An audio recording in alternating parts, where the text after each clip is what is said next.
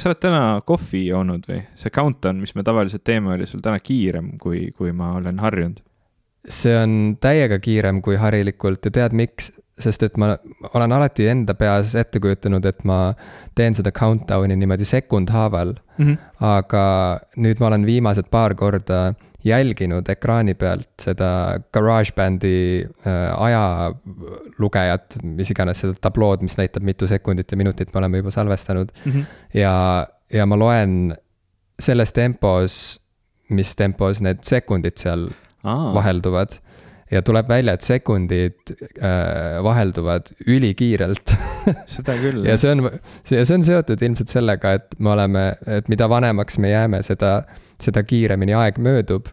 nii et võib-olla, kui ma, kui ma oma, oma tütre seitsmeaastase siia kutsuksin, siis ta vaataks, et need sekundid võiksid ju natuke kiiremini ikkagi edasi liikuda, sest mm -hmm. et mhm. praegu lihtsalt aeg venib nagu tatt ja võib-olla kui ma oma kõige pisema tütre siia tooksin, siis talle tunduks, et lihtsalt ekraan on seisma jäänud, et, et arvuti on kinni kiilunud mm.. aga minu jaoks need sekundid tormavad, tormavad sa, lihtsalt mööda. sa räägid siis nagu kohutav. subjektiivselt, mitte nagu objektiivselt, et sul ei hakka counter nagu, nagu kiiremini liikuma, mida vanemaks sa jääd, et see, see on ikkagi lihtsalt sinu tunnetus, eks ole, mitte et su arvuti on programmeeritud kuidagi aega kiiremini mööda saatma, kui sa vanemaks jääd.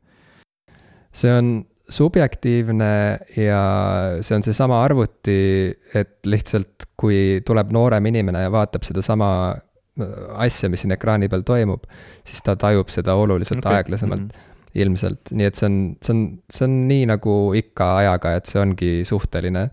et universumis ka ei ole olemas mingit ühte kellaaega näiteks või midagi sellist, et, et kui sa juba piisavalt kaugele eemale lähed mingisse teise regiooni, seal siis on väga raske öelda, kas sa jõudsid sinna kohale minevikus või tulevikus või, või, või, või mis, mis kell sul parasjagu on, nii et et praegu ma kogen seda omal nahal lihtsalt äh, puhtalt vanuse tõttu, et kuna vanus on mind samamoodi eraldanud ja viinud mingisse muusse regiooni võrreldes mu la, la, lapsukestega, siis, äh, siis ma lihtsalt jah, olen tunnistajaks sellele, kuidas aeg tormab mööda samal ajal kui teistel on aega maa ja ilm, ma mõtlen siis lastel. Äh, mina kiirustan ikka haua poole äh, ja ma ei tea, võib-olla see on, sa ütlesid, et meil on aasta lõpuni veel kaks saadet teha. mine tea, kas jõuabki teha neid kahte kui aeg nii kiirelt mööda läheb hmm.. võib-olla, võib-olla aeg saab otsa enne seda, ma ei tea, Ivo. mul on sellel, selle põhjal sulle üks väga-väga oluline küsimus kui sa sekundeid loed, kas sa loed seda nagu Mississippili või mitte? ei loe niimoodi Mississippili. okei okay.. aga kuidas mis... sa siis, kuidas sa siis tagad, et sa ikkagi sekundeid loed, mitte lihtsalt üks, kaks, kolm? no ma lähtusin oma sisetundest, mis oli täiesti vale. no seda ma mõtlengi, aga miks sa siis Mississippili ei loe? Äh, mul ei ole seda harjumust lihtsalt okay. ja ma tahtsin, et need sekundid oleksid äh, mitte sellised aimamisi täpsed, vaid ikkagi väga täpsed. Ja nüüd mm., kui nad on väga täpsed, ma loen väga kiiresti seda countdown'i. Okay.. ja, ja nii lihtsalt on, ma ei oska, noh, ma arvan, et see on ainult õige, et, et me lähtume sellest, kuidas kell tiksub. Ma arvan, et ma pean, ma pean ilmselt ümber harjuma, ma ühe korra elus juba olen niimoodi ümber harjunud, sellepärast et ka mina kunagi üritasin sekundeid lugeda nagu sisetunde järgi, aga siis ma vaatasin seda sõprade osa, kus Ross käis spreipäevituses ja siis terve see osa pöörles selle ümber, et kas sa loed nagu üks, kaks, kolm või üks Mississippi, kaks Mississippi, kolm Mississippi, neli Mississippi, eks ole, et sa teed selle Mississippi sinna vahele, sest siis sa, see nagu tagab piisava hulga eh, silpe, et, et sa nagu oled enam-vähem mm,, enam-vähem selle nii-öelda sekundite möödumisega ühes rütmis. ja ma vahel, vahel katsetan seda, et kui täpselt ma sekundeid loen mul on elektriline hambahari, mis iga poole sek-, poole minuti tagant annab mulle teada, et nüüd võiks järgmist regiooni oma suus puhastada, siis tavaliselt ma loen temaga kaasa äh, nagu kolmekümneni, et, et vaadata, kas ma ikkagi siis saan selle sekunditega täpseks või mitte mm. -hmm. ja minu hambahari teeb sama äh,. tahtsin ka küsida, et kui suur su suu peab olema, et sul on seal erinevad regioonid lausa, aga ma ei hakka seda nalja tegema, sest et see ei ole naljakas mina küll naersin.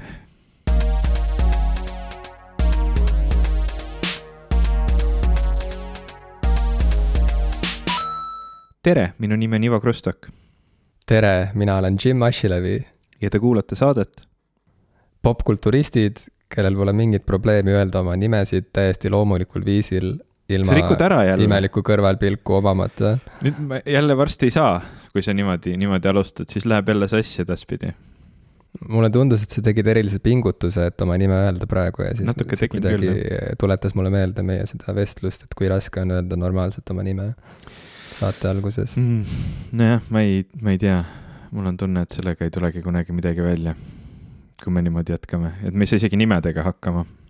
ei saa jah, võib-olla saab, tead mis, tegelikult ju see robot jutustaja, kellele saab teksti ette sööta arvutis, saab mm. -hmm. ju päris hästi hakkama sõnade lugemisega juba tänapäeval. et võib-olla oleks juba õigem äh, ikkagi kirjutada saated ette valmis ja siis lasta lihtsalt sellistel automatiseeritud häältel seda kõike ette kanda. Sest et nüüd saab ju isegi häält niimoodi tune ida, et, et üks robot räägikski sinu häälega ja teine räägiks minu häälega. saab või? ma tean, et Eesti, Eesti Keele Instituudi kõnesünteesis saab valida, kas see on Tõnu, kes räägib, või Eeva või Liisi või Riina või Meelis või Kihnu või Lee või Liivika ja. võib-olla, võib-olla seal seda valikut ei ole, aga selline tarkvara on juba ju olemas, mis matkib inimeste hääletämbreid. et seal võiks juures olla ka Ivo ja Jim, siis ma saan aru ja, ja siis me ma arvan, saaksime me saame tehtud. õpetada, me saame õpetada seda masinat äh, niimoodi rääkima, nagu meie räägime. laseme tal kuulata, laseme tal teha kodutööd, ta peab kuulama läbi kõik need, mitmes osa meil praegu on, mingi saja viiekümne seitsmes või midagi sellist. Mm, jah, ühesõnaga jah, et ta peab kuulama siis kõik need eelmised sada viiskümmend kuus osa ära. saja viiekümne kaheksas on isegi see, ma just aa, isegi, no vot, sada viiskümmend seitse osa peab ta ära kuulama, siis ta tuleb meie juurde tunni kontrolli tegema. et kas ta ikka kuulas.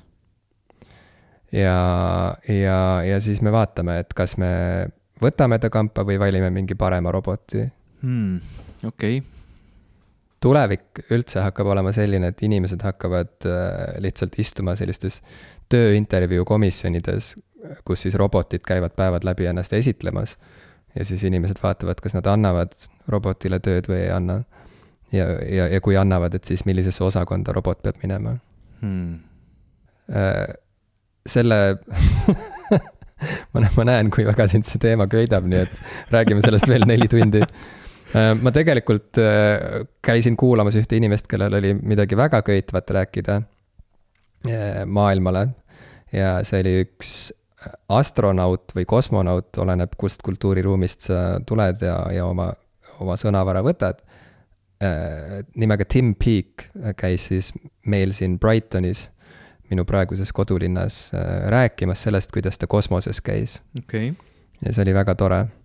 See oli tegelikult niimoodi, et äh, eelmistel jõuludel mu abikaasa kinkis mulle Tim Peake'i autobiograafia, mille pealkiri on Limitless ja, ja seal ta siis räägib äh, sellest, kuidas äh, ühest väiksest Inglismaa linnakesest või külakesest pärit poisist sirgus mees, kes läks kosmosesse ja veetis seal päris pikalt aega ja tegi erinevaid töid äh,. ta vist oli, kas ta oli Chichesterist või, või mingist sihukesest mm. -hmm. kohast pärit ja, ja noh, jälle sihuke üsna ebatõenäoline lugu äh, muuhulgas ka sellepärast, et, et tal, et ta ei olnud üks nendest poistest, kes äh, juba väiksena unistas sellest, et mina tahan ühel päeval minna kosmosesse.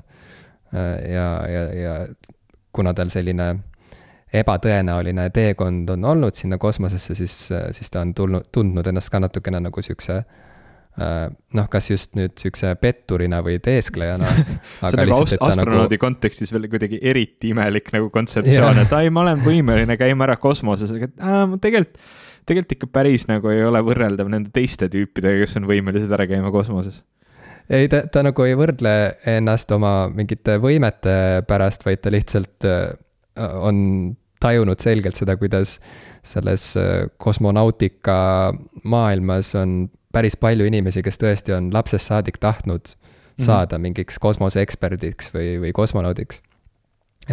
ja siis on saanud või ei, ei ole saanud, aga tema ei ole nagu üks neist, kes sellest kogu aeg unistas, vaid ta kuidagi jõudis hoopis sõjaväe ja, ja, ja siis piloodiks olemise kaudu kuidagi lõpuks sinna, sinna töövaldkonda mis, mis ta, mis ta tegi kosmoses, kas ta oligi siis seal rahvusvahelises kosmosejaamas nagu jaa, ta oli ISS-is jah, ja ta äh, lendas sinna kohale ja siis tegi seal, nagu nad ikka teevad, seal erinevaid eksperimente. Äh,. vahepeal tegid nalja, naljavideoid. Siis kui oli, kui oli vaba aega, siis äh, istus seal kuupolas, mis on siis see väike sihuke akendega kuplikene, mis äh, on alati pööratud maa poole mm. -hmm. ja kust on alati võimalik siis näha maakera. Äh, tuleb välja, et maakera on ümmargune, seda ma sain teada, ta mm. näitas videoid isegi sellest ta, ta leidis seda, et seda on vaja kuidagi nagu tõestada, ma saan aru no ma esialgu, mina käratsesin seal publikus, ma ei lasknud show'l jätkuda ühel hetkel okay., sest ma ütlesin, et mis jama sa räägid nagu, et. Äh, ühesõnaga kuidagi üritasin talle nagu, talle öelda, et, et sa ju saad aru, et sa tõusid õhku sellise ketta pealt, mitte nagu maakera pealt mm. -hmm. ja siis seal tekkis pikk vaidlus ja mind taheti välja visata saalis mm, ühesõnaga ei hakka nagu seda kõike nagu ümber jutustama, aga põhimõtteliselt lõpuks me jõudsime sinna, et ta ütles, et okei okay, äh,, tahad, ma näitan sulle videot, mis tõestab, et maakera on ümmargune, siis ta pani selle video peale. ja oligi jah, näitas, kuidas ta seal oli filminud sealt sellest äh, väiksest vaateaknast äh, seda, kuidas tehtigi tiire ümber maakera, tehti tiire. Mulle meeldib, et, et sa oled piisavalt äh, avatud äh, ja, ja isemõtlev inimene, et, et ka uued faktid võivad su arvamust muuta, nii et. Äh, aitäh, aitäh, ma olen väga uhke oma avatuse üle. Mm.. ma, ma tean, et ma olen väga avatud ja ma olen selle üle väga uhke ja ma ei väsi äh, mainimast seda inimestele, kui avatud ma olen igal võimalusel. Mm. -hmm. kindlasti ja Tim Peake oli ka avatud, et ta nagu viitsis lolliga vaielda ja, ja noh, et see oli nagu igatpidi sihuke tore üritus. see oli niimoodi kahes vaatuses lausa, kokku kestis umbes kaks tundi. see oli sihuke väike sihuke nunnu kontserdisaalikene, kus äh, muidu käivad ka bändid esinemas ja umbes aasta pärast Placebo näiteks esineb seal ja mm. Ja, ja seal muidu toimuvad ka siuksed äh, noh, ongi siuksed loengu või, või kohtumisõhtu tüüpi üritused. Äh, mina siis käisin kehaga seal Tim Peake'i äh, nagu kosmoseüritusel ja ja muidu seal on võimalik ka kohtuda mingite näitlejatega vahetevahel ja näiteks äh, Brian Cox, inimesed, kes armastavad Successioni sarja näiteks, äh, et, et teavad teda hästi, et Brian Cox tuleb sinna rääkima mingi hetk ja et on sihuke nagu, sihuke venue, sihuke venue, sihuke, sihuke omamoodi suur, aga samas veel piisavalt väike, et nagu ka tagareast on võimalik ilusti näha lava, lavale. see on nii huvitav, kui sa rääkisid sellest, et seal oli astronaut ja, ja tuleb Brian Cox, siis sina rääkisid ühest Brian Coxist ja mina mõtlesin oma peas hoopis teist Brian Coxi, kas, kas sa tead, kes mul pähe tuli? kes on Briti, prominentne Briti füüsik, on ju? astrofüüsik või, või ma ei tea, mis tema see tiitel täpselt on, füüsik vist lihtsalt. füüsika populariseerija.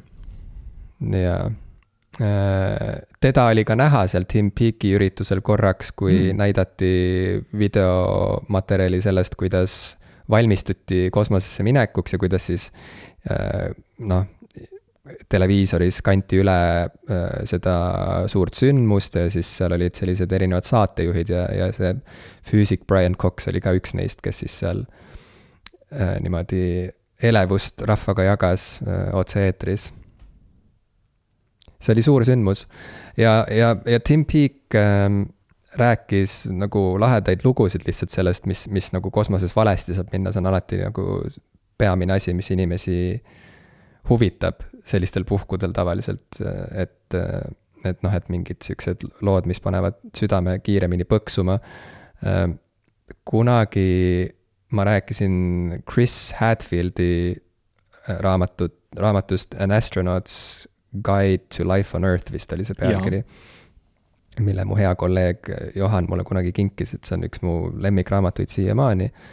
ja, ja ja nüüd see Tim Peake'i lugu on mõnes mõttes sihuke sarnane, et noh, et ma kujutan ette, et need kosmonautide lood võivadki olla üpris sarnased mingil määral, et lõpuks see moment, kui jõutakse kosmosesse, on alati tegelikult väga ebatõenäoline ja sõnul kirjeldamatult uskumatu mm. -hmm. ja, ja, ja see kontrast on alati nii ilus ja hoomamatu, et kuidas see ikka nii saab olla, et sünnib kuskil üks laps ja elab elab oma elu ja, ja tal on lapsepõlv ja ta käib koolis ja ma ei tea, seal õpib asju ja, ja, ja kukub läbi mingites asjades ja kakleb ja, ja, ja naerab ja armub ja, ja, ja, ja, ja murrab oma südame ja ja siis mingil hetkel läheb, õpib mingi ameti selgeks ja siis lõpuks ta on kosmoses koos mingite maailma kõige, maailma kõige erilisemate inimestega, selles mõttes, et ma endiselt arvan, et kosmonaudid on äh,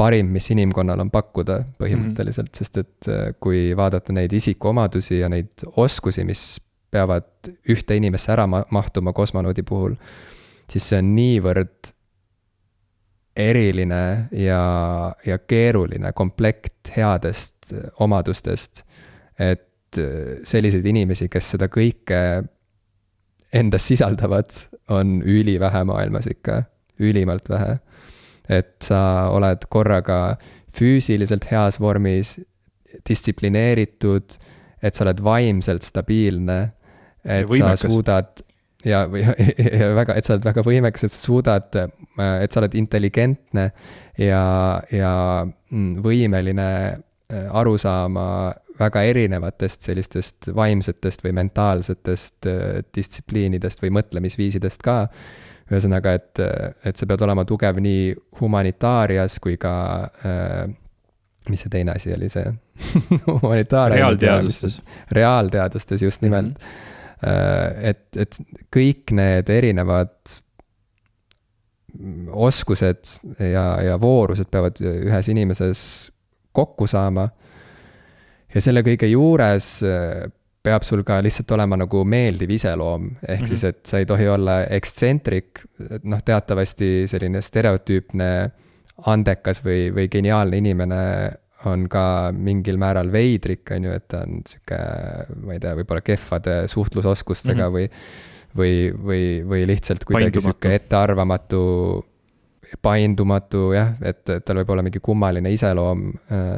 et selle hullu geeniuse stereotüübiga me oleme kõik äh, ju väga harjunud, aga et inimene on selline noh, võiks öelda, et geniaalne kõikide näitajate järgi, aga seejuures ei ole ekstsentric, vaid on just nimelt ülimalt stabiilne ja suuteline äh, rasketes olukordades olema teistele toeks äh,, jääma äh, külma kõhuga väga pingelistes olukordades äh, suutma oma peaga mõelda ja samas hoidma kõikide teiste inimeste heaolu mm. Äh, ka äh, kuidagi alati hoida seda prioriteedina, et noh, et kõik need omadused, kuidas see võimalik on, et üks inimene saab olla korraga kõik, kõike seda. ja sellepärast ma arvan, et kosmonaudid on nagu parim, mida inimkonnal on pakkuda. ja Tim Peake on siis üks nendest inimestest ka ja ma sain teda oma silmaga näha ja see oli väga tore, aga ma pidin rääkima nendest äpardustest, ma võin sulle paari lugu rääkida, kui sind huvitab. tegelikult mul selle, vaata, me oleme varem ka rääkinud sellest, noh, kosmosetemaatikast ja ja, ja kosmoses käimisest ja, ja sellest, mis tunded meil endal sellega on, aga mind hakkas huvitama sel ajal, kui sa sellest rääkisid ja noh, ilmselgelt meile mõlemale see kosmos on selline südamelähedane ja, ja võib-olla siis sellist ma ei teagi, kuidas ta eesti keeles hea on, hea on öelda, sihuke awestruck või noh, me, me, me nagu mõlemad oleme kuidagi väga austame äh, seda kosmoseteemat, aga, aga selle nagu kontekstis ma üldse hakkasin mõtlema, noh, ma tean, ma tean enda kohta seda, et ma ei ole väga selline inimene, kes tahab lahkuda ähm, tsivilisatsiooni lähedalt või kuidagi nagu sellist mugavustsoonist väljas olemist. ma ei kannata väga, et kui, kui palju sina üldse nagu oleksid nõus, ma ei mõtle siin nüüd kosmosesse minema, aga noh, näiteks äh, olema eemal äh, noh, mitte ainult oma perest näiteks ja lähedastest, vaid ka üldse nagu teistest inimestest, et kui palju sa saaksid olla kuskil nagu metsas omaette või, või, või, või minna mingile pikale matkale või kuhugi sõita mingisugusesse nagu maa peal olevasse kaugesse kohta, kas mingid, no vaata, igasuguseid siukseid mm, väga-väga kaugeid kohti on maailmas olemas, nagu näiteks noh, Antarktika või Arktika, mõlemad on ju suhteliselt siuksed noh, keerulised kohad, kuhu, kuhu minna, kuhu saada, hästi paljud inimesed üldse sinna ei saagi, on olemas sihuke saar nagu Pitcairn Äh, mis vist on nagu enam-vähem kõige kaugem saar kõikidest teistest nagu asukohtadest üldse, et noh, et nagu maailmas on kohti, kus sa põhimõtteliselt nagu oled kõigest ära lõigatud, kui kui mugav see mõte siin sinu jaoks on, sest noh, näiteks kui mina mõtlen kosmose peale, siis teatud mõttes see tundub mulle tänases kontekstis isegi mugavam, näiteks olla seal rahvusvahelises kosmosejaamas, sellepärast et noh, nagu kakskümmend neli seitse keegi jälgib mind keegi, keegi on minuga alati nagu ühenduses Äh, aga, aga kui ma olen kuskil nagu ma ei tea, metsas omaette või, või, või, või Arktikas kuskil, siis, siis ma tunnen ennast nagu nii palju rohkem ära lõigatuna, aga see kõik on nagu maal. Ja no isegi Eestis on võimalik ju ära käia saarevahiks näiteks. on ka või? ma, ma ei ole sellest kunagi kuulnud. aa, no vaata, Kristiina Ehin on sellest isegi kirjutanud ju luulekogu, kas see oli see Luigeluu linn mis, mille ta kirjutas äh, Mohni, Mohni saarel äh,. ja, ja neid, neid on teisigi, kes on niimoodi ära käinud, et äh, oledki lihtsalt äh, üksi põhimõtteliselt saare peal, valvad ja, ja vaatad laineid äh, mm. rannas istudes. aga jaa, ma olen sinuga nõus, ma arvan ka, et äh, sellises kosmosejaamas ma kujutaksin ennast ette palju mm, no, lihtsam on ette kujutada ennast seal äh, veetmas mingit kuud näiteks või, või, või kahte kuud, kui mingisugusel, mingis kauges punktis, noh, Antarktika ja Arktika on muidugi sellised eriti äärmuslikud variandid, sest et äh, seal on lihtsalt nii külm ja, ja mulle ei meeldi, kui mul on külm. aga isegi kui tegu oleks siukse seikluskirjanduse äh, tüüpi siukse üksiku saarega, mis on nagu sihuke troopiline saar, kus sa saad siis seal kasvatada habet ja, ja otsida kookospähkleid ja jahtida loomi ja, ja hakata oma jalgpalliga juttu rääkima mm. -hmm. et et, et siis ka see tundub mulle natuke vastik kokkuvõttes mm. -hmm. alati, kui küsitakse, et mis on sinu üksiku saare raamat näiteks, siis ma üritan ennast ette ah,, kusjuures mil-, millises kohas sa kujutad ennast ette, kui, kui keegi ütleb sulle, et mida sa võtaksid üksikule saarele kaasa, mingi millise raamatu või millise plaadi või. et mis see, milline see saar on milline, see saar on, mida sa ette kujutad Äh, ma ei tea, mul on selline tunne, see on väga sihuke Hollywoodilik. Äh, ma pean tunnistama, et see on sihuke pikk, pikk mm, liivarand, kitsas, kohe järgi, noh, ütleme siis kohe pärast selle ranna algust tuleb ka selle lõpp mingite palmide ja, ja tiheda sellise yeah. metsiku, metsiku looduse näol ja, ja kogu aeg on päike ja kogu aeg on väga soe ja, ja ma olen seal ilmselt mingis niudevöös ja hästi yeah. pika habemejuustega, see on nagu väga selline äh, otsene Hollywoodi nagu, nagu fantaasia, mis mul kohe pähe tuleb. ma ei kujuta ennast ette Kihnule. just, ma ei ole kunagi mõelnud isegi juurelda selle üle, milli-, milline see saar võiks olla teiste inimeste peades. aga, aga mu enda peas on see alati täpselt samasugune, nagu sina just kirjeldasid mm.. naljakas huvitav, kas on kuskil keegi, kes kujutab ennast ette näiteks just nimelt mingil jääsaarel või mm., või. või kasvõi Eesti saarel, see ongi kõige veidram. Kihnu saarel. noh, Eestil on ka ju meeletu hulk igasuguseid pisikesi saari yeah.. et noh, noh, ma saan aru, et see, see kuidagi, need ei ole kunagi nii kaugel millestki, et võiks tekkida sihuke tunne, et ma olen nagu kohutavalt kuskil äh, noh, vaat jah, võib-olla nagu siinkohas üles kasvades, sellepärast me kujutamegi ennast ette kuhugi Hollywoodi filmi, sellepärast et see kõik tundub nii palju kaugem ja kuidagi hirmsam ja, ja meie jaoks nagu noh, Eesti rand tundub ikkagi nagu oluliselt ohutum paik kui mingisugune troopiline rand, kus sa nagu tõesti oleksid võib-olla nagu noh, ei kujutaks ettegi, kuidas üldse ellu jääda või mida teha, aga mm, -hmm. aga see on mhm. nii, see on nii naljakas, mul hakkab kohe peas mingi Castaway film jaa, jaa, täpselt. Robinson Crusoe. täpselt nii.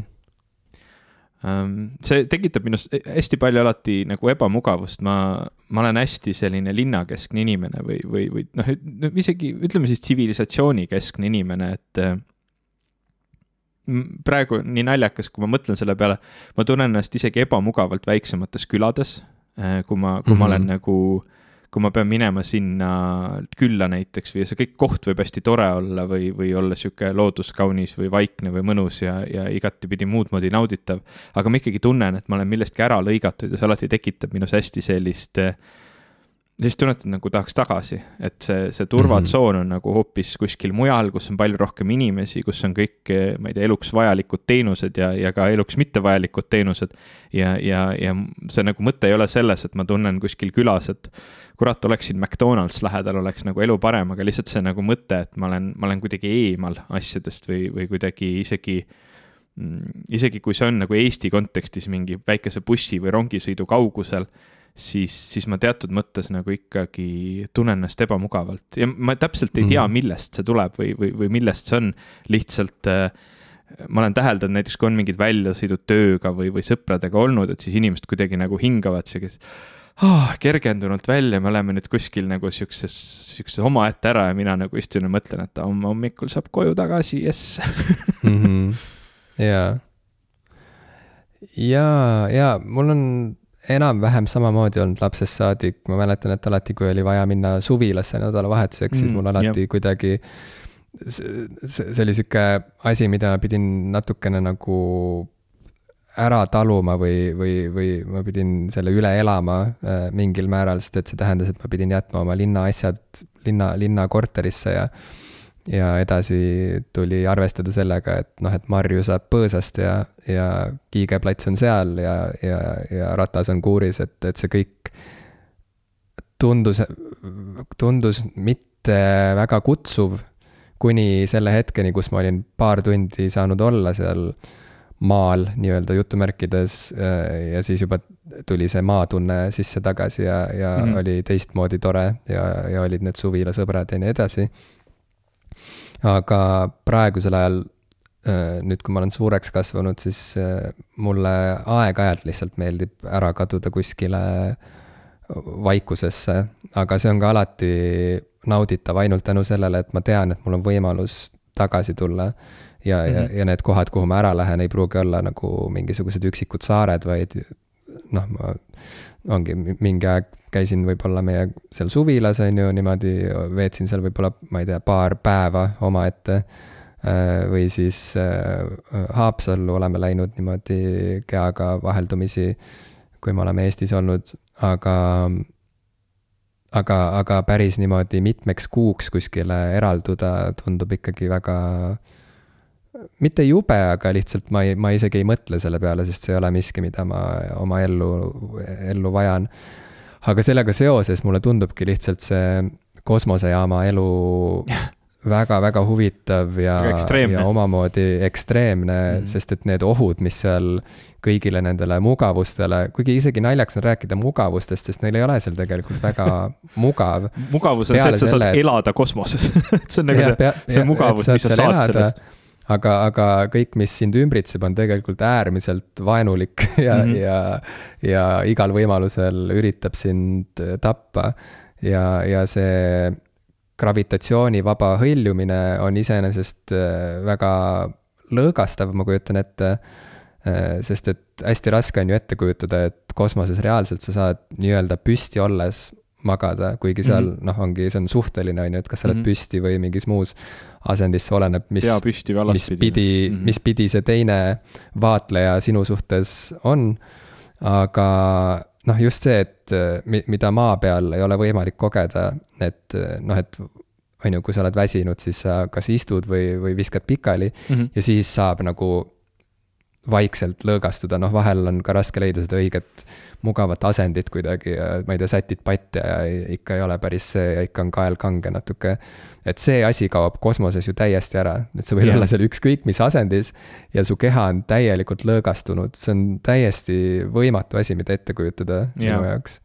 ei, täitsa nõus, jah aga, aga mis puutub sellesse, et, et üksikule saarele äraminek, siis üks oht, millest Tim Peake rääkis, mida vist siiamaani ei ole kunagi kellelgi juhtunud, aga üks reaalne oht, mis seal on, on see, et kui sa lähed, on ju, sellest kosmosejaamast välja, lähed tegema seda kosmosekõndi nii-öelda lähed siis seal midagi kontrollima jaama välis moodulite juures või, või, või, või, või, või mingit muud ülesannet täitma, siis on väga oluline, et kosmonaut oleks sellise noh, mitte köie, aga siukse mingisuguse rihma abil on ju kinnitatud ja, selle ja. kosmosejaama külge. väga oluline. et ta kuskile ära ei hõljuks. ja, ja, ja neil on selleks vist kaks erinevat sellist äh, noh, üks on sihuke tross, äh, mis on sihuke varuturvaelement põhimõtteliselt, et, et kui see peamine rihm millegipärast kas katkeb või, või, või, või, või ei ole jah, või, või on halvasti kinnitatud või, või, või üldse unustatakse kinnitada, mis on väga ebatõenäoline, sest et seal mm -hmm. tõesti ettevalmistus selleks, et mm -hmm. inimene sealt jaamast välja läheks üldse avakosmosesse, kestab noh, peaaegu terve päev mm, -hmm. et ma ei mäleta, kas see oli nagu kaheksa tundi või midagi sellist, äh, äh, mis, mis kulub äh, sellele ettevalmistusele puhtalt, et teha lihtsalt see uks lahti ja lasta see inimene välja sealt jaamast. see on mingi hull checklist peab, ilmselt, mida sa pead nagu konstantselt jälgima mm. -hmm. ja kõik see aeg peab kosmonaut olema selles kosmoseülikonnas. et ta ei saa niisama dressides ringi hõljuda, vaid ta pannakse juba sinna kosmoseülikonda mm. -hmm ja, ja, ja kontrollitakse igatpidi läbi, kas seadmed töötavad ja nii edasi ja see kõik võtab tohutult palju aega. aga ühesõnaga, kui peaks juhtuma mingi sihuke täiesti absurdne õnnetus, et see põhiline rihm millegipärast ei, ei hoia seda kosmonauti kosmosejaama küljes ja see, ja see turvatross, see varutross ka, ma ei tea, siis katkeb või mis iganes mm. -hmm.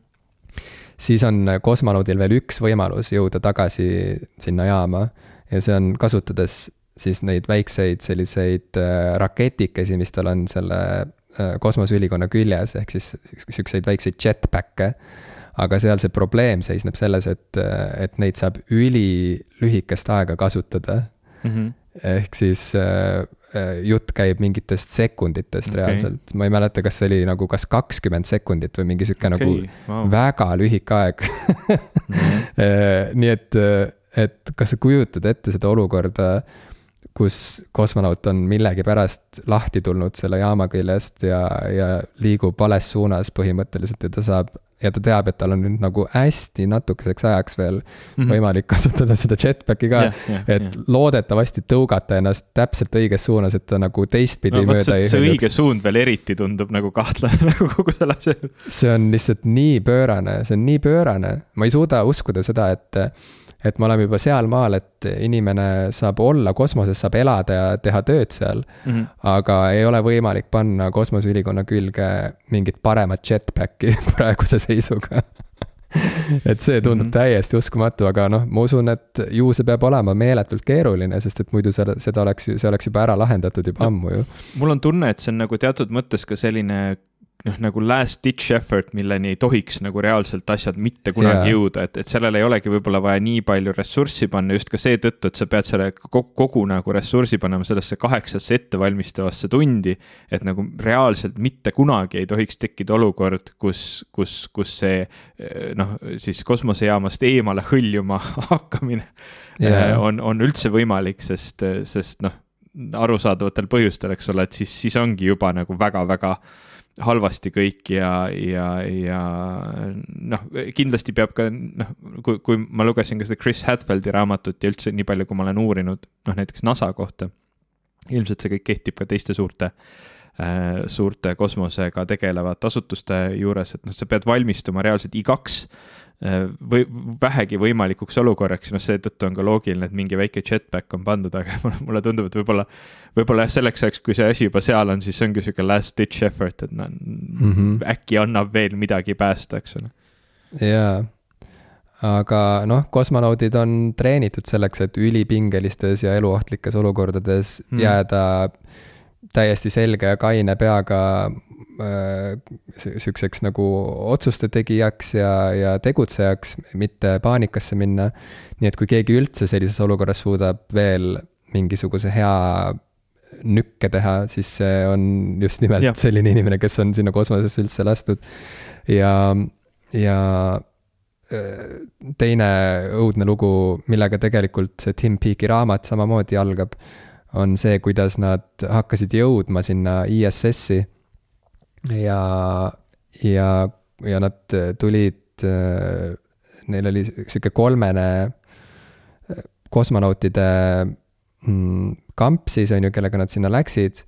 ja neil oli Vene piloot, kes oli juba mitmend, mitmendat korda lendas sinna. ja, ja siis juhtus selline asi, et enne kui nad pidid selle kosmosejaamaga põkkuma.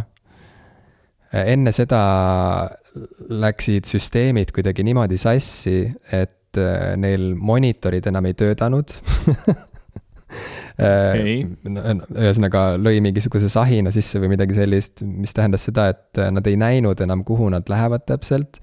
Äh, nad ei saanud seda automaatset autopilooti kasutada ja, ja ühtlasi, kuna see kosmosejaama jõudmine võttis kauem aega, kui oli planeeritud, siis vahepeal jõudis minna pimedaks. ehk siis nad jõudsid sinna nagu noh, orbiidil jõudsid sinna kohta, kus, kus, kus päike ei paistnud enam ja siis põhimõtteliselt sellel väiksel kapslil, mille sees nad seal hõljusid ja mida nad üritasid kinnitada kosmosejaama külge, et nad saaksid siseneda kosmosejaama ise Äh, oli, sellel kapslil oli siis väik-, väike, no olid väiksed tuled ees, mis äh, selles lõpmatus kosmosepimeduses tundusid nagu väike taskulamp lihtsalt, Tim Peake kirjeldas, et väga nagu ei olnud abi ja siis oligi sihuke olukord, kus lihtsalt äh, nad ei näinud mitte midagi äh,. see piloot äh, põhimõtteliselt kuulas, kuidas maa pealt tuli erinevaid käskusid ja korraldusi, et mine nüüd ja tee nüüd ja nii edasi mm. -hmm aga ta ise käitus nende soovitustele vastupidiselt, ehk siis tema hinnangul see ei olnud ohutu minna ja põkkuda äh, sellisel momendil mm. -hmm. ja siis ta muudkui nagu tagurdas ja, ja üritas jälle ta-, minna uuesti selle kosmosejaama poole, siis jälle tagurdas, ühesõnaga kogu aeg jube külma kõhuga hindas olukorda mm -hmm. ja üritas oma peaga mõelda, et mis oleks kõige õigem asi, mida teha, sest mhm. et kui nad oleksid läinud nagu natukene kursilt välja. Nad oleksid juba äh, sõitnud puruks äh, mingisuguse, mis see oli, mingisuguseid äh, äh mingi, mingi kauba, kaubalastiga tulnud mingisuguse kapsli oleksid sõitnud puruks, mis oli ka kinnitunud sinna kõrvale ja.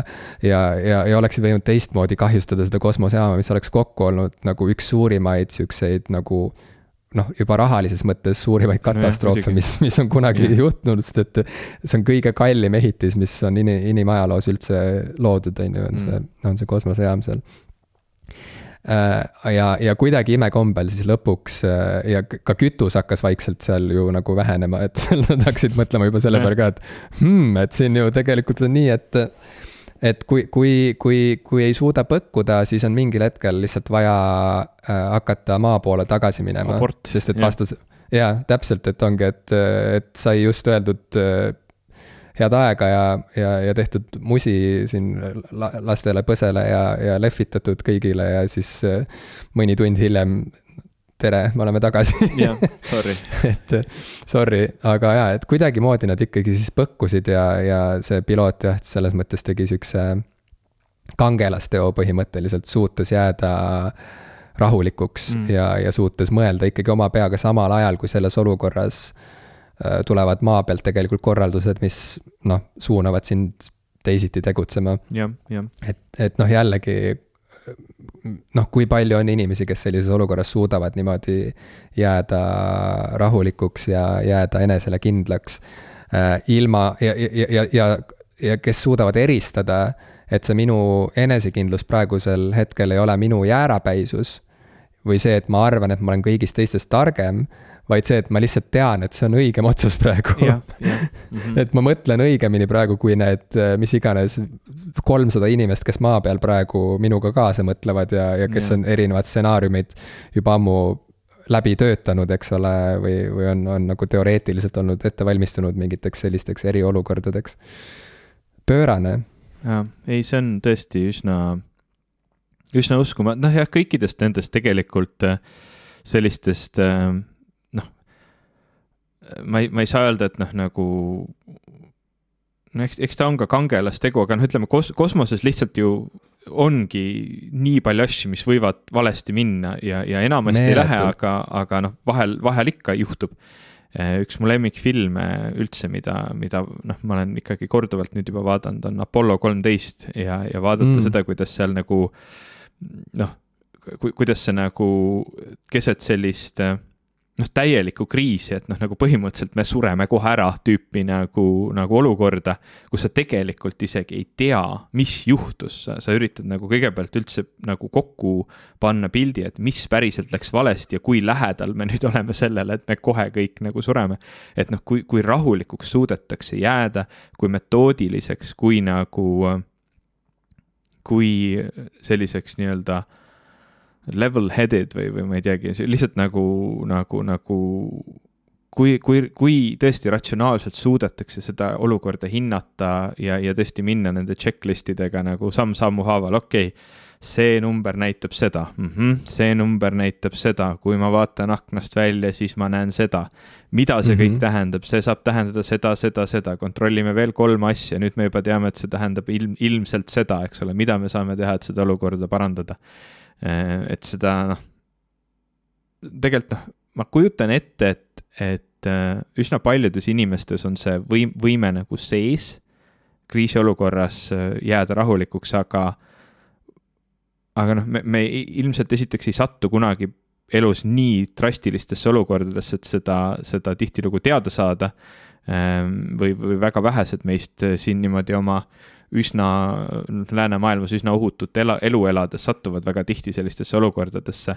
aga, aga noh, ma tean ka seda, et näiteks kui, kui minul või, või mõnel, mõnel mulle lähedasel inimesel on toimunud siukseid ohtlikke olukordi, siis ka hästi lihtne on lukku minna lihtsalt ja, ja, ja, ja, ja jääda nagu kuidagi kinni, et ma, ma ei oska midagi mm -hmm. teha, ma ei oska midagi mõelda, ma lihtsalt nagu kuidagi jään paigale.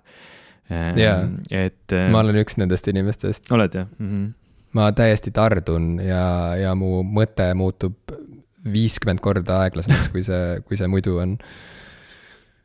jaa jah, jah, ei, seda on, seda on nagu crazy mõelda ja, ja noh, mõtlen, et see on siis, siis mul, mul tekibki see umbes nagu ähm, võrd-, noh, seda on isegi nagu absurdne natukene nagu tunnistada, kui, kui rumal see on ja jällegi ma jõuan tagasi sinna Hollywoodi, eks ole, nagu olukorrani, et et oo et eh, mis siis, kui ma lähen matkama, on ju, ja siis mingid nagu rullnokad bemmiga tulevad mind nagu peksma kuhugi metsa alla.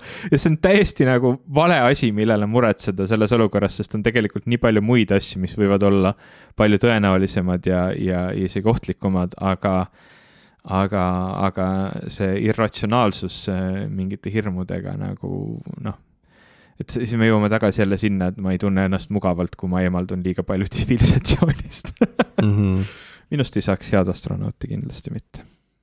sinust ei saaks head Fred Jüssit näiteks? ja, ja ka kindlasti ei saaks minust jah, head Fred Jüssit mm,. ma räägin sulle ühe loo veel, mis oli sihuke surmalähedane stsenaarium mm., mis oli jälle üllatav.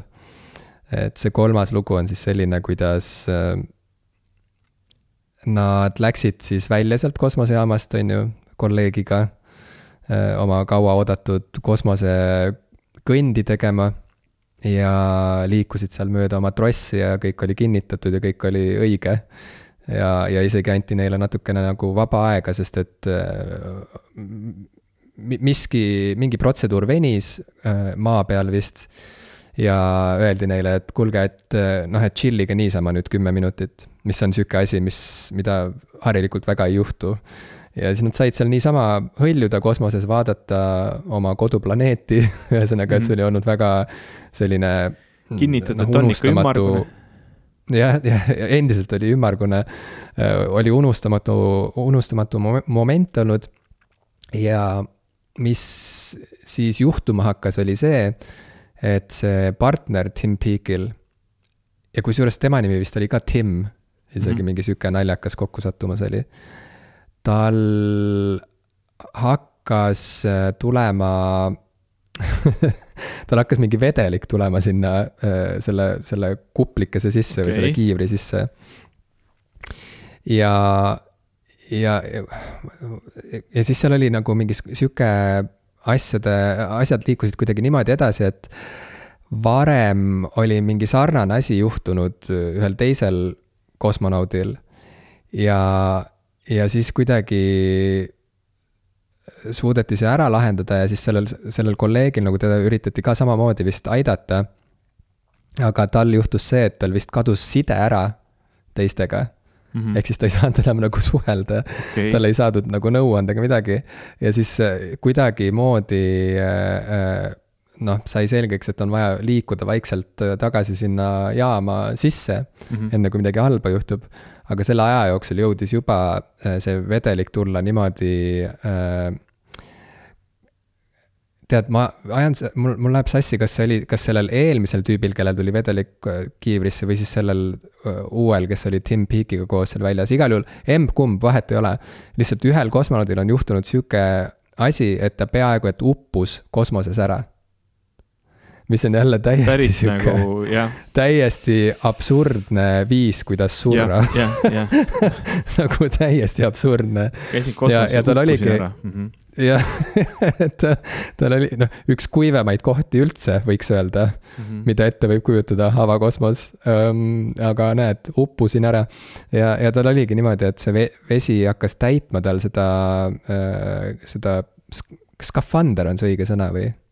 Kas skafander käib selle kiivri osa kohta või, või see käib kogu selle ülikonna kohta? see on vist kogu ülikonna no,. igal juhul see, see kiivri osa, ühesõnaga sinna teatavasti vesi ilma gravitatsioonita ei voola mm, -hmm. vaid lihtsalt Aga hõljub kogunema. selliste mm, -hmm. jah, see lihtsalt koguneb sellisteks nagu kuju muutvateks äh, sellisteks nagu pallideks, on mhm. ju ja, ja, ja nii need, nii see vesi tal kogunes ja lendles ringi seal kiivri sees, nii et äh, kõigepealt äh, läks see vesi siis talle niimoodi kõrvade peale mm.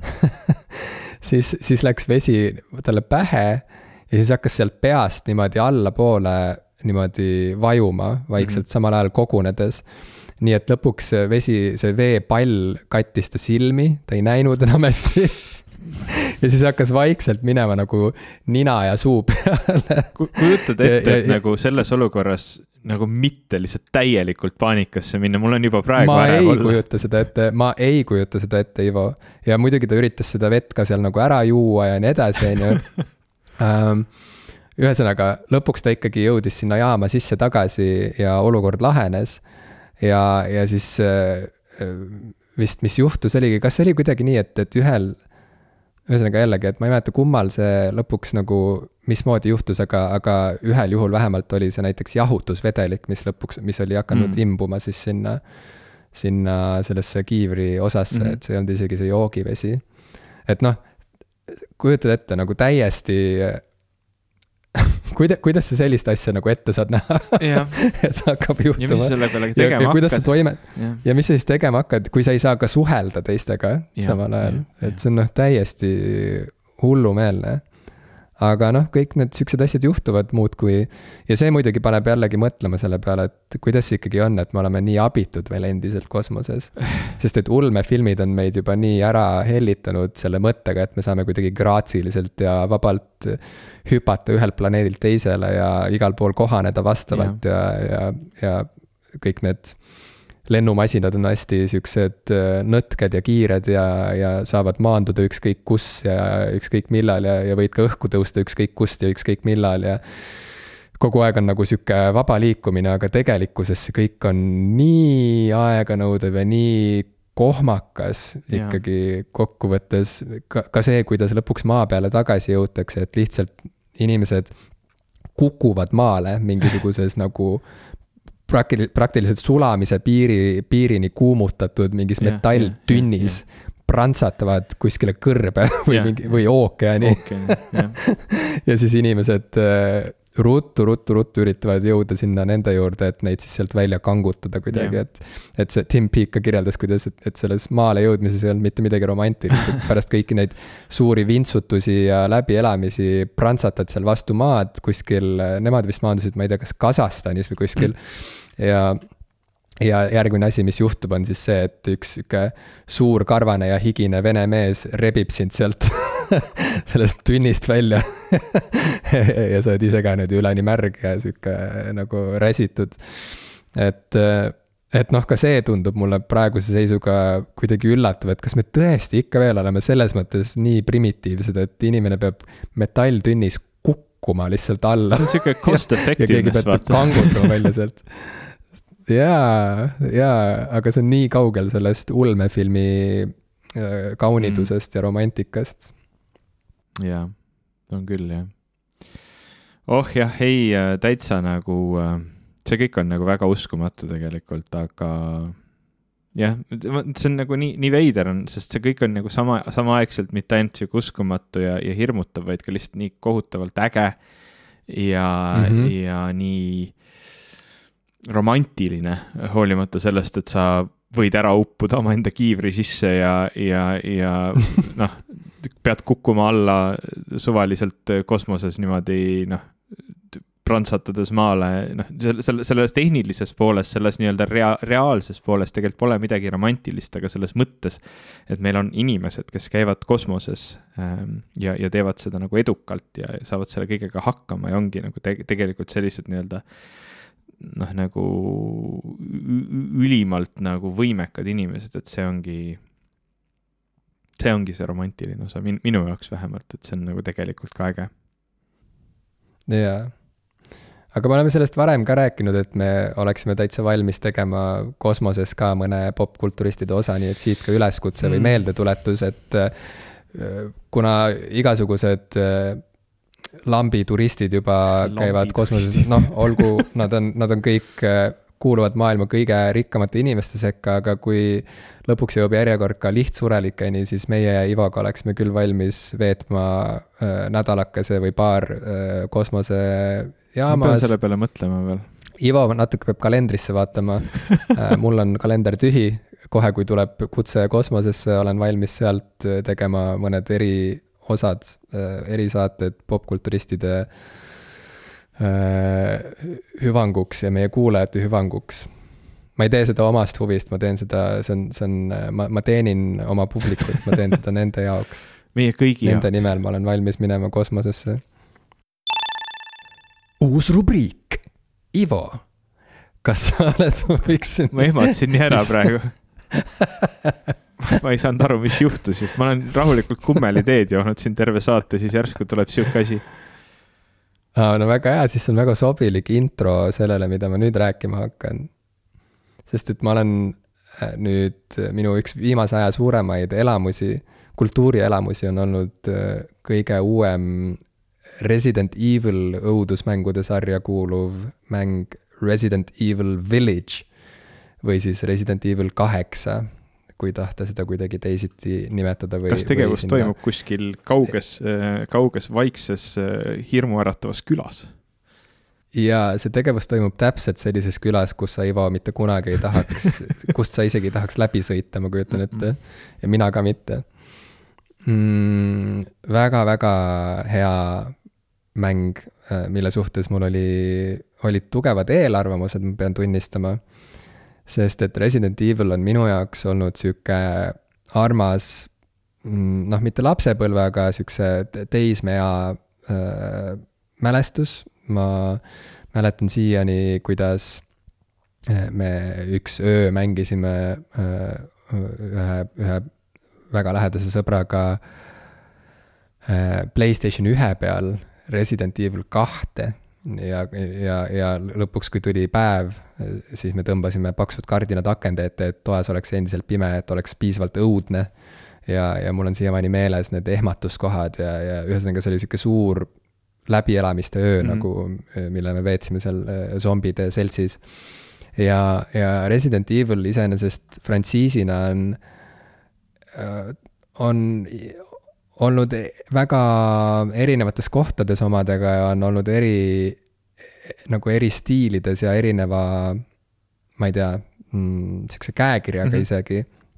sest et kõige-kõige esimesed äh, Resident Evilid või noh, see, peaasjalikult siis Resident Evil üks oli ju üldse esialgu korralik sihuke farss või noh, seal on nagu ma isegi lugesin ühe raamatu läbi Resident Evil ühe kohta, kuidas, kuidas seda tehti ja kuidas seal äh, näiteks need näitlejad seal Jaapanis, kes eh, siis inglise keelt kõnelevaid tegelasi mängisid, kuidas nad leiti praktiliselt lihtsalt tänavalt ja, ja kuidas nad isegi veel, ma ei tea, noh, rääkimata sellest, et, et tööd tehes ei teadnud täpselt, mida nad teevad või mm, -hmm. või, või kuhu see lõpuks jõuab. mis selle point on? või mis selle point on, et nad isegi veel eh, selle raa-, enne selle raamatu väljatulekut, mõned neist ei olnud teadlikud, et nad osalesid näitlejatena mängus, mis kujunes üheks maailma kõige tuntumaks mängude frantsiisiks, eks ole. et, et see raamatu autor otsis nad üles, ühesõnaga neid oli isegi raske leida, sest et tiitrites oli, lõputiitrites oli enam-vähem mingisugune ma ei tea, kas mingi hüüdnimega või, või, või lihtsalt mingite initsiaalidega nagu tähistatud, kes keda mängis, et enam-vähem, et see oli kõik niivõrd äh, lahtine ja segane ja ebaprofessionaalne mm tegelikult. ja, ja lõpuks see hääl näitlemise kvaliteet oli ka nii halb mm, -hmm. et äh, see on, sellest on omamoodi saanud sihuke kultusmäng just sellepärast, kui halvasti see on lavastatud ja mängitud mm -hmm. nende ingliskeelsete häälnäitlejate poolt, on ju. ja, ja, ja hiljem on seda parandatud ja on antud välja nagu siukseid viimistletumaid versioone sellest mängust, aga sellised tõsi, tõsised fännid, kes seda frantsiisi nagu väga armastavad, sihilikult ikka otsivad välja selle kõige esimese, kõige halvema mm. variandi, et nautida neid mingeid nagu legendaarseks saanud siukseid lauseid. So ja, bad it's ja, good, eks ole no ja, ja et, et seal on mingisugune stseen, noh, neid on palju, neid näiteid, aga põhimõtteliselt, et nagu äh, üks näitleja nimega Jill äh, saab peaaegu et lömastatud ühes sihukeses lõksutoas, kus ma ei tea, lagi vajub alla või midagi sellist, nagu ikka yeah. sellistes seiklusfilmides yeah., seiklusmängudes. ja siis viimasel hetkel kuidagi pääseb üks mees, vist tõmbab ta sealt välja või midagi ja siis tema, ja siis lause, mis ta ütleb sellele Jillile, kes just ole, nagu päästeti surmasuust, oli see, et et sinust oleks peaaegu saanud Jilli võileib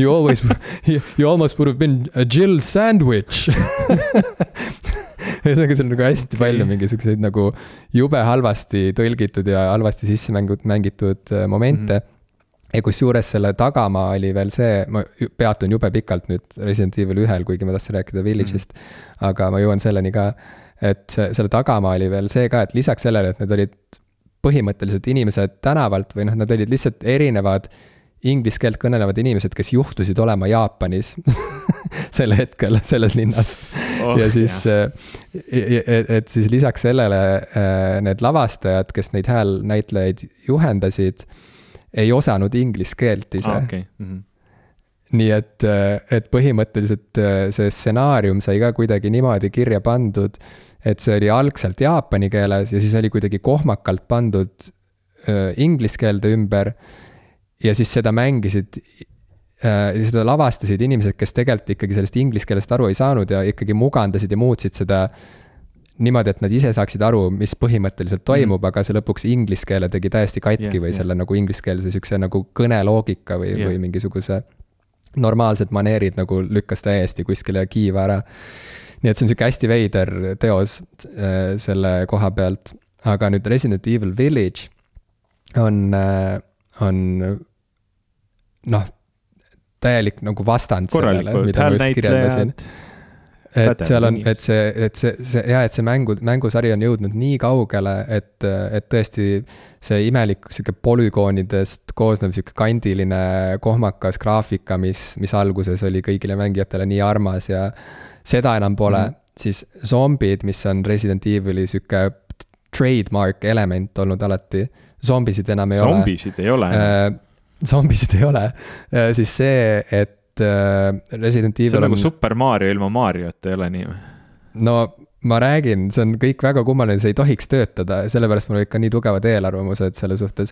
Äh, Resident Evil alguses, äh, vähemalt esimesed neli, kas ei, võib-olla isegi esimesed kuus osa, ma võin eksida, aga põhimõtteliselt nagu oli pikalt äh, nii-öelda kolmanda isiku vaates mm, -hmm. ehk siis sa nägid seda tegelast, on ju yeah,, yeah. jooksmas, tegemas erinevaid asju. ja, ja veel eriti alguses olid e erinevates ruumides siuksed fikseeritud vaatenurgad äh, tubadele, ehk siis sa ei saanud ise äh, muuta seda, mis nurga alt sa mingit tuba näed vaid äh, mingisse uude tuppa sisenedes võis olla näiteks kaamera nii-öelda või sinu see, see punkt, kust sina nägid toas toimuvat, võis olla kuskil lae all ja. näiteks need olid sageli meelega siuksed hästi ebamugavad ja imelikud nurgad mm. -hmm. et varjata näiteks, et äh, mis, mis, mis nurga taga ja, toimub. et saaks siis kuidagi Ehmatada. veel rohkem hirmutada mängijat, sest et ta oli sunnitud ikkagi liikuma selle pimeda nurgataguse poole ja siis sealt hüppas jälle välja mingi mm -hmm. zombi, on ju et, et ühesõnaga seda enam ei ole, nüüd on siis äh, nii eelmine kui ka see äh, Village Resident Evil on äh, first person ehk siis läbi selle tegelase silmade näed sa seda kõike. ühesõnaga nii palju selliseid sinna retsepti kuuluvaid elemente on ühtäkki minema visatud ja, ja, ja on tehtud siis see frantsiis äh, niimoodi uueks, et on mindud lihtsalt mingisse täiesti uude suunda. ja, ja see on alati nii riskantne asi, mida teha. see on täpselt see, et noh, et don't mess with the winning formula, on ju, et, et kui miski toimib väga hästi, siis lihtsalt äh, noh, jätka selle tegemist, et ära hakka asja eest teist taga seda muutma. iga aasta uus Call of Duty jah, aga, aga samas jällegi nagu kunstilise poole pealt see on ainus asi, mida üldse on mõttekas teha mingist hetkest alates. Äh, seda on teinud ka kõik suured muusikud, bändid, noh üldse kõik inimesed, kes on nagu rohkem kui kaks korda loonud midagi erilist, on ju. et nad on jõudnud alati mingisse punkti, kus nad peavad täielikult ümber mm -hmm. mõtestama selle, kuidas nad oma, oma loomingule üldse lähenevad.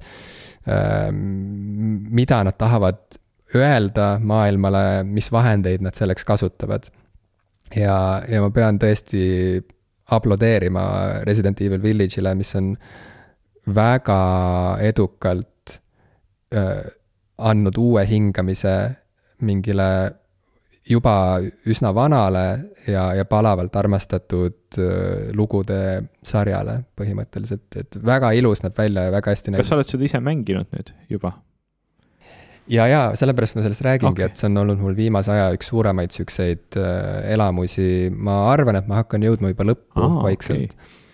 ja seal on isegi, ja seal on isegi mingisuguseid mm, peatükke seal mängus, mis on äh, täiesti uutmoodi õudsed okay. või, või on kuidagi noh, hirmsamad, kui ma olin nagu valmis kogema. ja seda väga heas mõttes, mitte mingis nagu traumeerivas ja vastikus mm -hmm. mõttes, vaid just nimelt sellises kõige paremas meelelahutuslikus võtmes. see on jube hästi õnnestunud õudusmäng, mis on pannud mind mõtlema ka sellele, et mulle tundub, et videomängud parimal juhul on palju parem meedium, okei okay,, vale, vale, vale sõna, parem või halvem. mina eelistan tegelikult kogeda sellist horrorit videomängus, kus okay. ma olen täielikult nagu ise selles sees. see on mõjusam ja samas ka nagu lõbusam ja naljakam okay. Eh, kui, kui õudusfilmide vaatamine, sest et mul mingil hetkel, mul lõid korgid täiesti läbi ja ma, ma tegelikult enam ei saa vaadata õudusfilme juba mm, -hmm. juba, juba tükk aega. aga mängud on nagu selles et, mõttes okei okay siis sinu jaoks? aga mängud on okei okay ja, ja eriti Resident Evil on mulle nii armas ja südamelähedane, et see kuidagi ma ei tea, et ühest küljest see kõik teeb selle ju justkui nagu veel, toob sulle nagu veel lähemale kõik mm, -hmm. kõik, kogu, kogu selle õõva ja õuduse. aga teisalt ma ei oska öelda, et ilmselt see, et, et sealt tuleb ka mingi, mingi sihuke nagu adrenaliinipauk. ja, ja see, et see kõik on nii hästi tehtud, et ma suudan seda tegelikult nautida sihukesel nagu esteetilisel tasandil ka. et see ei ole ainult äh, äh, mingisugune halb nagu halva emotsiooni kogemine, on ju, mingi mm -hmm. simulatsiooni abil. vaid see on ühtlasi ka see, et ma saan nagu imetleda midagi, mis on jube hästi tehtud mm, -hmm. midagi, mis on jube hästi disainitud, mis näeb, kus on nagu jube ilusad tekstuurid, see küla on lihtsalt nagu üks mu kolleeg tegi nalja, et, et tegevus toimub Eestis aga tegelikult see on nagu natukene võib-olla slaavilikum äh, sihuke moment on seal külas, sest et need talud, kuigi nad on siuksed meile tuttavad lobutikud, on ikkagi ähm, noh, värvilisemad, kui me oleme Eestis harjunud, natuke rohkem siuksed tikandad, sihuke rumeenialik asi on seal rohkem käimas. Aga jube ilus on see kõik, kui sa lähed mingisse lobutiku sisse ja sa näed seal seda kangast telge, sihukest suurt või siis mingid vaibad on seina peal ja, ja kõik need siuksed praod seintes ja, ja noh, sa astud majja sisse ja sa tunned seda maamaja lõhna, seda, seda saja viiekümne aastase lagunenud mhm. talu kopitanud sihukest lõhna ja kõik need mingid nipsasjakesed, mis vedelevad siin ja seal ja saad aru, see on nagu, see on nii detailiküllane mm. -hmm ja nii eh, noh, puhtalt sellisel nagu stilistilisel tasandil nii hästi tehtud eh, teos, et juba selle tasandi abil on võimalik seda asja nautida noh, palju nagu mitmekihilisemalt, kui, kui lihtsalt, et kogen mingit vastikut emotsiooni hästi pikalt aga jaa, ühesõnaga suur elamus. ma olen sel ajal, kui sa oled nüüd siin rääkinud, natukene vaadanud eh, videoklippe eh, sellest mängust ja tõesti peab ütlema, et visuaalselt näeb see ikkagi nagu kohutavalt äh, muljetavaldav välja ähm, oma nagu sihuke värvi ja koloriidi poolest meenutab ta mulle mingit Tim Burtoni nagu filme äh, seal on, seal on väga tugev Tim Burtoni moment ka olemas ja eriti ühes väikses mõisakeses, kus äh, nukud ärkavad ellu ja hakkavad mm. seal seda tegelast taga ajama ja nii. see on, aga jah, see kõik on nagu väga, väga õõvastav, äh, peab mainima, aga jah, see näeb välja uskumatult noh tead, teatud mõttes nagu noh, siin, siin on see, et ikkagi kõik need inimes in,, inimese tegelased näevad välja veits siuksed nagu mitte päris inimliku, okei okay,, ma saan aru, siin on ka päris palju koletisi ja, ja kõike muud ja need näevad kusjuures päris head välja, aga mm, -hmm. aga just see nagu selline peaaegu nagu inimese välimusega selline virtuaalne tegelane on ikkagi veits võõras aga kõik see ja, maailm. veits sihuke silikoon. jah, jah, aga maailm näeb küll nagu uskumatult vägev välja jaa, no seal on nii ägedaid kohti, mees. võtab, võtab isegi nagu natukene mõtlema, et äkki peaks ka proovima mängida, kuigi ma ei ole ühtegi Resident Evilit kunagi mänginud ja, ja õudusmängud kindlasti ei ole, ei ole mulle huvitavad, aga ta, ta, e-, esimene asi, mida see mäng mulle meenutas, on, on Elder Scrolls just selle nagu maailma poolest. Mm.. nii et väga, väga kihvt küll, jah jaa, see on väga muljetavaldav, mida nad on seal teinud, sest lisaks sellele külale on seal ka, nagu ma mainisin, sihuke mõis. seal on äh, mingid katakombid, värgid ja seal on ka äh, selline suur loss äh,, mis on üks esimesi kohti, kuhu see tegelane sealt külast satub. kus elab üks sihuke hiigelnaine, kes ajab teda mööda mm -hmm. seda mhm. lossi taga, ühesõnaga seal on äh, sihukest lobutiku romantikat ja seal on ka sihukest lossi vägevust ja lossi, lossi elu sellist hinge, hingematvat ilu, mis on ka ühtlasi väga õudne mm. -hmm. et noh, et tõeline sihuke, ma ei tea, tõeline elamus, ühesõnaga mm -hmm. sihuke keskkonnaelamus juba puhtalt. Äh, aga mida see kõik, mille, mille, mille peale ma veel olen mõelnud selle, seda, seda mängu mängides, on see, et vaata, kas või, kas või endagi puhul on, on, on, on mul olnud kuidagi see tunne, et noh, näiteks kirjanikuna mul on olnud alati kahju, et, et vaata, kirjanikuna äh, sa saad teisteni jõuda ainult niimoodi, et sa avaldad oma teoseid.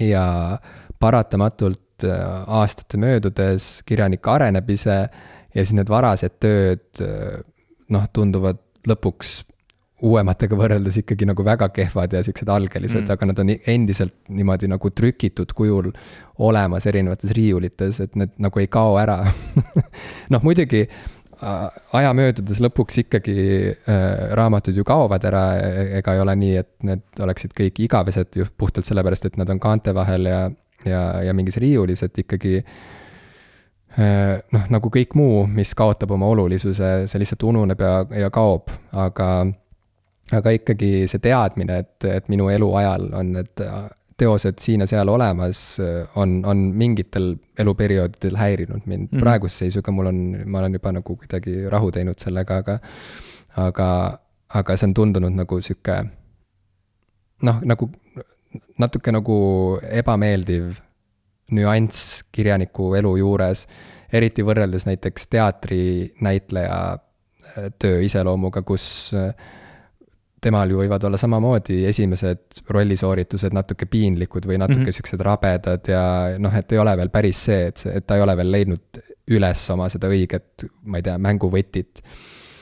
sellest pole mitte midagi, sest et need etendused ei säili need saavad läbi täpselt sel hetkel, kui, kui eesriie langeb ja, ja siis see ongi läinud põhimõtteliselt ja, ja, ja, ja teatrinäitleja saab olla, olla täpselt nii vägev ja hea, kui ta just parasjagu antud hetkel on, eks ole. no sel-, selle, selle, tema see varasem. selle juurde mul on üks kommentaar, ma lihtsalt eile õhtul avastasin seda, et keegi on nüüd lõpuks ometi laadinud Youtube'i terve etenduse Armastus kolme apelsini vastu värvilisena, nii et Aa, see on nagu olnud okay. asi, mida ma olen otsinud nagu pool noh, ikka väga pikka aega, sellepärast et see on mingi sihuke lapsepõlvemälestus sellest, et noh, ma arvan või noh, ma olen ise arvanud, et ma olen seda etendust näinud täispikkuses, aga see, mida ma tegelikult näinud olen tõenäoliselt, on, on nii-öelda parimad palad sellest etendusest, mida, mida ETV hästi mm -hmm. tihti näitas. sellega on mul vä väga head mälestused noh, ütleme sellestki, et, et nagu ma ei tea, kui vana ma siis olin, aga noh, üheksakümnendatel siis vanematega seda vaadata, kõik naeravad, on ju, sihuke, sihuke legendaarne asi. ja nüüd lõpuks ometi eh, mul on võimalus ära vaadata see kogu kolmetunnine etendus, ma ei ole kindel, kas ma seda naudin, aga vähemalt ma saan selle ära teha lõpuks mm.. ma, ma arvan, et ma ka pole näinud seda täispikkuses kunagi. no need on muidugi siuksed erandjuhtumid jah, kui etendus on linti võetud ja, ja seda saab hiljem vaadata, noh, Armastus kolme apelsini, mis, mis Armastus kolme apelsini vastu, vastu. On, on ka omamoodi sihuke kultusteos, et seal noh, ma oleks üllatunud, kui seal tegijatel oleks praegu piinlik vaadata mingeid asju, no võib-olla on, kõigil on harilikult nagu mingeid asju piinlik vaadata, mida nad nooremana on teinud ükskõik kui hea see asi ka ei olnud, aga, aga ühesõnaga, kuidas see kõik Resident Eviliga seotud on, on see, et äh, see on huvitav, kuidas äh, tegelikult ikkagi on loomingus võimalik alati tulla tagasi ja tulla tagasi vägevamana kui kunagi varem. või siis kuidagi kui varem ei õnnestunud üldse tulla, vaid lihtsalt äh, mingid asjad sai, sai avaldatud ja, ja, ja mõne, mõne, mõnele meeldis ja teised naersid, et siis ikkagi äh, järjepidevusega ja, ja suure tööga on võimalik ikkagi jõuda punkti, kus, äh, kus sa ikkagi saadki klassikuks võib-olla oma mingisuguse hilise töö kaudu hoopis et, et see on huvitav, kuidas midagi nii vägevat nagu Resident Evil kaheksa näiteks, et see on ikkagi ju otseselt seotud sellega, mida varem Resident Evil'i seerias on tehtud ja seal on ka varem olnud väga häid mänge. ühesõnaga, kaheksa ei ole nagu esimene õnnestumine, lihtsalt see on sihuke uus tulemine mm -hmm. omal, omal moel. et lihtsalt see on, see on kuidagi nii huvitav mu jaoks, et, et mingi mäng, mis saab alguse saada äh, nii rohmakalt ja, ja nagu naeruväärselt mm, -hmm. nagu, nagu seda oli siis, nagu seda oli Resident Evil üks. Äh, et, et see saab ikkagi nagu ajapikku ja aastakümnete möödudes jõuda mingisse punkti, kus äh, noh, naerda pole mitte midagi, vaid kõigil on ainult äh, kuidagi suu ammuli seal võimalik imestada ja imetleda, et, et mida kõike on nüüd saavutatud Äh, selle, selle asjaga. Äh, sa, ma ei tea, kas sa saad aru, mis ma mõtlen, et, et see on kuidagi nagu hästi lootustandev äh, meeldetuletus mm -hmm. iseenesest. et, et järjekindlus, järjepidevus ja, ja lihtsalt selline nagu pühendunud töötamine mingis suunas on kokkuvõttes nagu ainus edu garantii.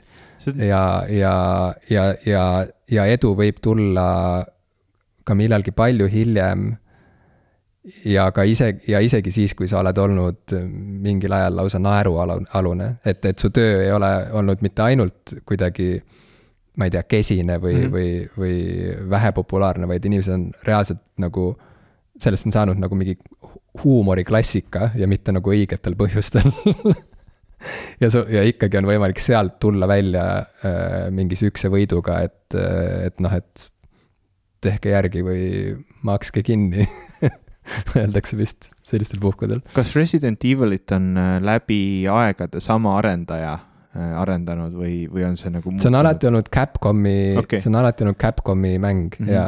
no siis on natuke teine asi ka, sest äh, noh, on ka ju terve hulk mänguseeriaid, kus, mis on alanud ülitugevalt ja, ja siis ainult, mida aeg edasi, seda kehvemaks on kõik läinud ja siis nad on müüdud mingitele teistele mm -hmm. firmadele ja see on nagu veel hullemaks aetud ja ja noh, Electronic Arts on ju selline mängu mm, siis äh, jaotur või, või, või siis nagu keda, keda alati äh, kirutakse, et nad, et nad suudavad mängud ära rikkuda mm. -hmm. ma ei tea, kas oli äh,, oli Electronic Arts või, võib-olla ma ajan praegu midagi sassi kes see selle SimCity ära ostis, oli ikka jah, Electronic Arts oli see, kes SimCity ära ostis ja siis tegi kohutavaks. jaa, neid vastupidiseid näiteid on ilmselt rohkem äh, kui, kui neid näiteid, et mingi asi on äh, alanud väga äh, rabedalt ja, ja on, on küpsenud millekski erakordseks pikkade aastate möödudes aga ühesõnaga, lootuskiir sealt mulle paistis ja, ja see aitab endalgi kuidagi oma eluteed mõtestada kuidagi optimistlikumalt või, või, või mõelda oma võimalustele natukene optimistlikumalt. jah. et ma mingis mõttes ei ole vahet, äh, mis äh, või mida ma tahan nüüd öelda, et, et, et mingis mõttes nagu ainus asi, mis loeb, on see, et kas sa nagu teed seda oma asja või ei tee mm. -hmm. ja, ja see retseptsioon on. koht, kus hotellis tuleb check-in teha või? ei, ei noh, vastukaja ma mõtlen mm, -hmm. et vastukaja äh, on nagu noh, käib, käib, käib asjaga kaasas ja vastukaja on, on vaja saada ka, aga aga lõpuks ikkagi on ainus asi, mis loeb, on see, et, et, et kas sa ise tunned, et sa nagu ajad oma asja mm. -hmm. ja, ja kas sul on huvi ja tahet ja jaksu teha seda asja pikalt. ja, ja, ja, ja, ja seni, kuni sul on huvi ja tahet ja jaksu ja sa tõesti pühendud ja, ja, ja suudad ennast dis-, dis-, distsiplineerida, võivad juhtuda vägevad asjad ka, ma ei tea paarkümmend aastat äh, pärast seda, kui sa oled mingi asjaga alustanud näiteks ja, ja ja võib-olla tõesti need esimesed asjad on nagu väga imelikud ja rohmakad, äh, aga see ei loe, sest et lõpuks see, mida inimesed mäletavad, on ikkagi see, kuhu sa jõudsid. see mm., see, see, mis see tõeline panus või saavutus oli. see on ainus asi, mis lõpuks nagu pinnale jääb ja kõik muu ju ununeb, sest et keegi ei jaksa äh, keegi, keegi ei jaksa mängida mingit nagu detektiivi kõigi teiste inimestega ja tohutult ähm, äh, tegeleda mingi arvepidamisega, et kes millal mida avaldas ja kus ta kehvasti tegi midagi ja, ja, ja kus ta paremini tegi, et noh, et see on, see on lõpuks nagu selliste äh,, ma ei tea, doktoritöö kirjutajate ja biograafia kirjutajate pärusmaa kes uurivad võib-olla mingit ühte rühmitust või ühte inimest või, või, või, või, või midagi sellist, aga harilik inimene selle, selle peale aega ei raiska. rääkides äh, biograafidest, kes uurivad rühmitusi kas sa panid tähele, et äh, Sõrmuste isand härra Peter Jackson on, on välja andnud uue äh, dokumentaalfilmi ansamblist The Beatles ma nägin selle treilerit ja mõtlesin kohe, et see on nüüd küll jälle sihuke asi, mida on vaja kindlasti näha mm. aga, aga ma ei ole seda veel näinud. pean, pean siis uuesti käivitama oma selle Disney plussi konto, pean hakkama maksma neile raha, aga see tundub nii lahe asi, et, et ma noh, ei kõhkle, kas see on seda väärt või mitte. jaa, see on, ma nüüd ise ei ole kogu seda sarja läbi vaadanud, esiteks see on väga pikk. see on kolmeosaline, osaline dokumentaalsari ja ta kogu pikkus on, ma ei oska siin kiiresti peast isegi arvutada, aga nelisada kuuskümmend kaheksa minutit. ehk siis Peter Jackson oma sellise ähm, mahukate triloogiate äh, loomist äh, kindlasti jätkab. see on äh, üle seitsme tunni, see on peaaegu kaheksa tundi ähm, mm. nagu asi, mida vaadata. ja, ja noh, minule kui väga suurele Beatlesite fännile kindlasti mm, väga kihvt kogemus, aga ma, ma olen pool tundi jõudnud vaadata. esimene asi, mis, mis mulle väga silma jäi kogu selle asja juures, on see, kui sotsiaalselt ebakindlad on Beatlesid, mis on nagu veider asi, mida öelda, nagu tol hetkel nad olid ju, ju noh, nagu maailmas täiesti noh, nagu enam-vähem kõige tuntumad inimesed vist üldse. see oli nende mm -hmm. nagu sellise noh, lahkumineku eelne aeg, see oli nende albumi Let it be, äh, mis, mis tuhande üheksasaja seitsmekümnendal aastal siis välja tuli.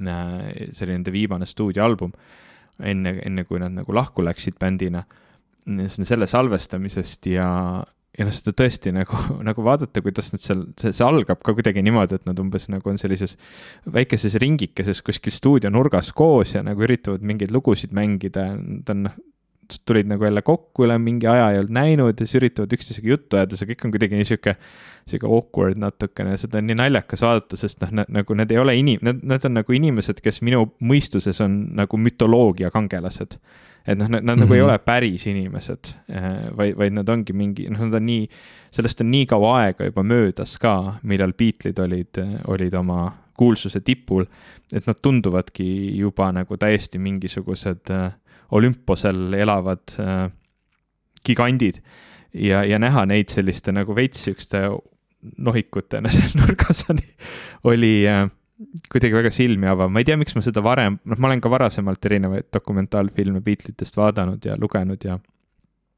et ma ei ole seda varem märganud.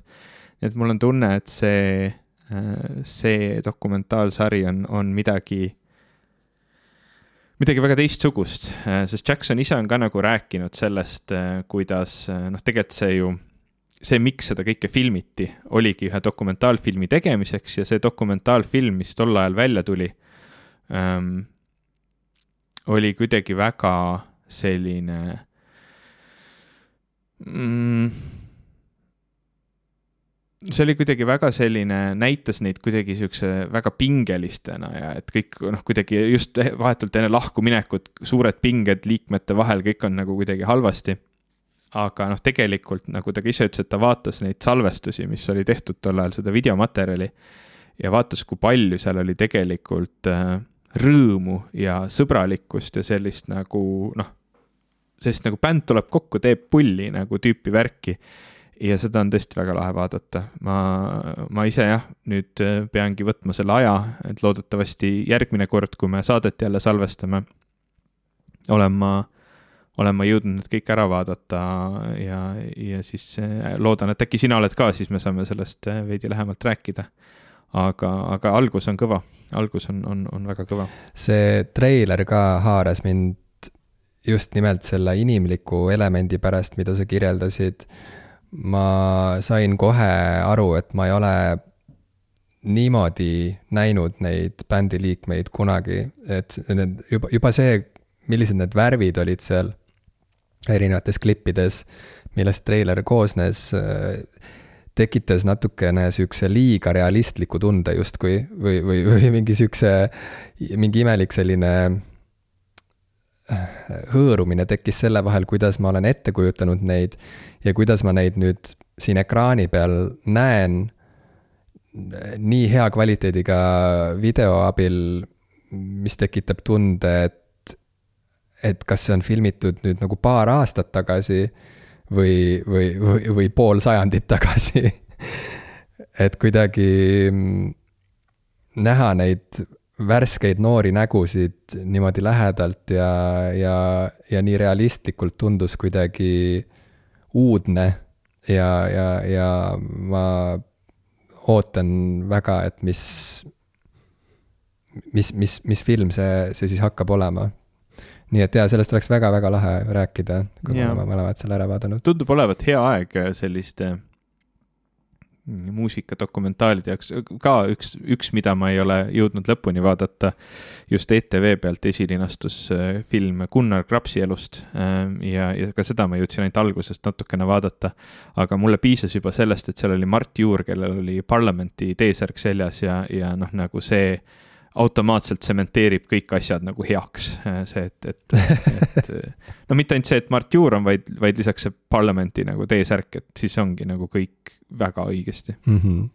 Mm -hmm. väga hea, kas me äh, lähme nüüd viskame pikali saatesarjas nüüd, kui pinge on maas mm. ja lõõgastume totaalselt? Ja ma pean, ma pean vahepeal venitusharjutusi tegema ja siis, sest mul on sihuke tunne, et ma praegu enam ei saa, aga siis pärast seda, seda ongi pinge maas, sest venitusi tehaksegi, et kehapingetest äh, nagu natukene vabastada. Sul on vaja minna lihtsalt kosmosesse ja natuke hõljuda ringi ja sa saad kõigist oma pingetest lahti. ma olen üsna kindel, et ma oleksin seal konstantselt ainult pinges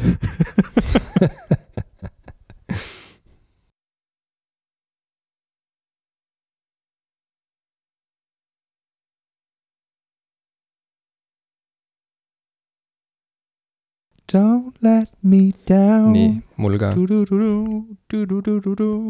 Don't let me down. teeme countdown'i või? teeme countdown'i